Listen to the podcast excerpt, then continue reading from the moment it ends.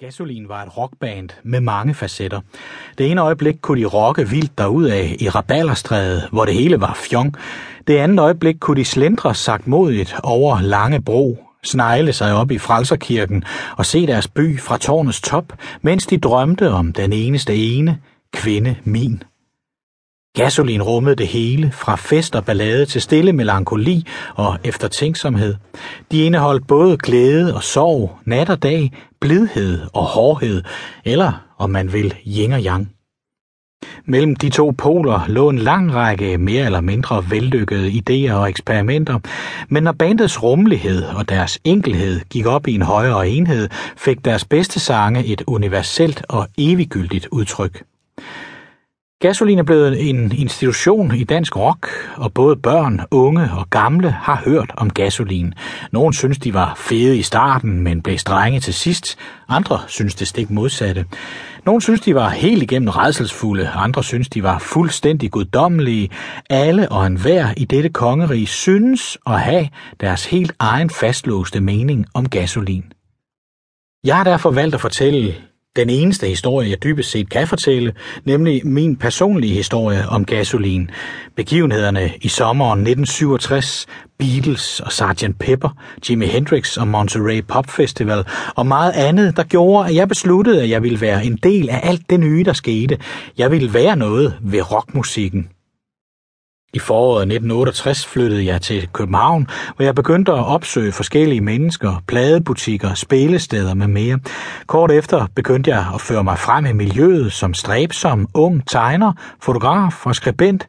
Jeg var med til at lave såkaldte undergrundsblade om rock, eller beat, som det hed dengang. I efteråret 1969 mødte jeg et stræbsomt, ungt band. De spillede ikke ret godt, men de skulle bruge et foto til en plakat. Mine fotos blev heller ikke ret gode. Faktisk kasserede de billederne og fik en anden til at tage et foto af dem og trækvognen med alt deres udstyr på. Snart efter begyndte det at rulle for gasolin. I 1972 blev jeg ansat som designer på pladeselskabet CBS Records, som udgav pladerne med gasolin. Fra da af var jeg involveret i udformningen af alle deres pladeomslag, eller covers, som vi kaldte dem, jeg fulgte gasolin gennem hele deres karriere, og jeg var med den aften i Folkets Park i Malmø, hvor de spillede deres sidste koncert den 21. august 1978. Gasolin og deres bagland var et tæt team, som en familie eller en stamme. Hverken jeg eller andre fra pladeselskabet var en del af deres stamme.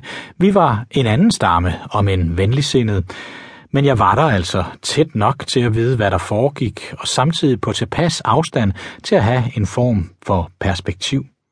Og denne bog er min historie.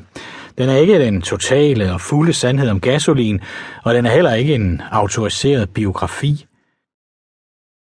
Der har fra tid til anden været rygter om en gendannelse af gasolin. Lad mig understrege, de valgte selv at gå fra hinanden i 1978, og den beslutning står stadig ved magt. Live-albummet Derudaf Forever, optaget 1976-78 og udsendt i 1993, er og bliver det sidste, der udkommer med gasolin. Det er derfor på sin plads, så gør en slags status over gasolin, deres musik og deres betydning for dansk kultur i det hele taget. Derfor denne krønike. Bøger om store udenlandske bands buner af sladderhistorier om sex, drugs og rock and roll. Nu vel, gasolin holdt af både øl og kvinder – det kan enhver høre i deres sange. Dengang i 70'erne tog man meget let på begge dele, så gasolin fik vist, hvad der tilkom dem.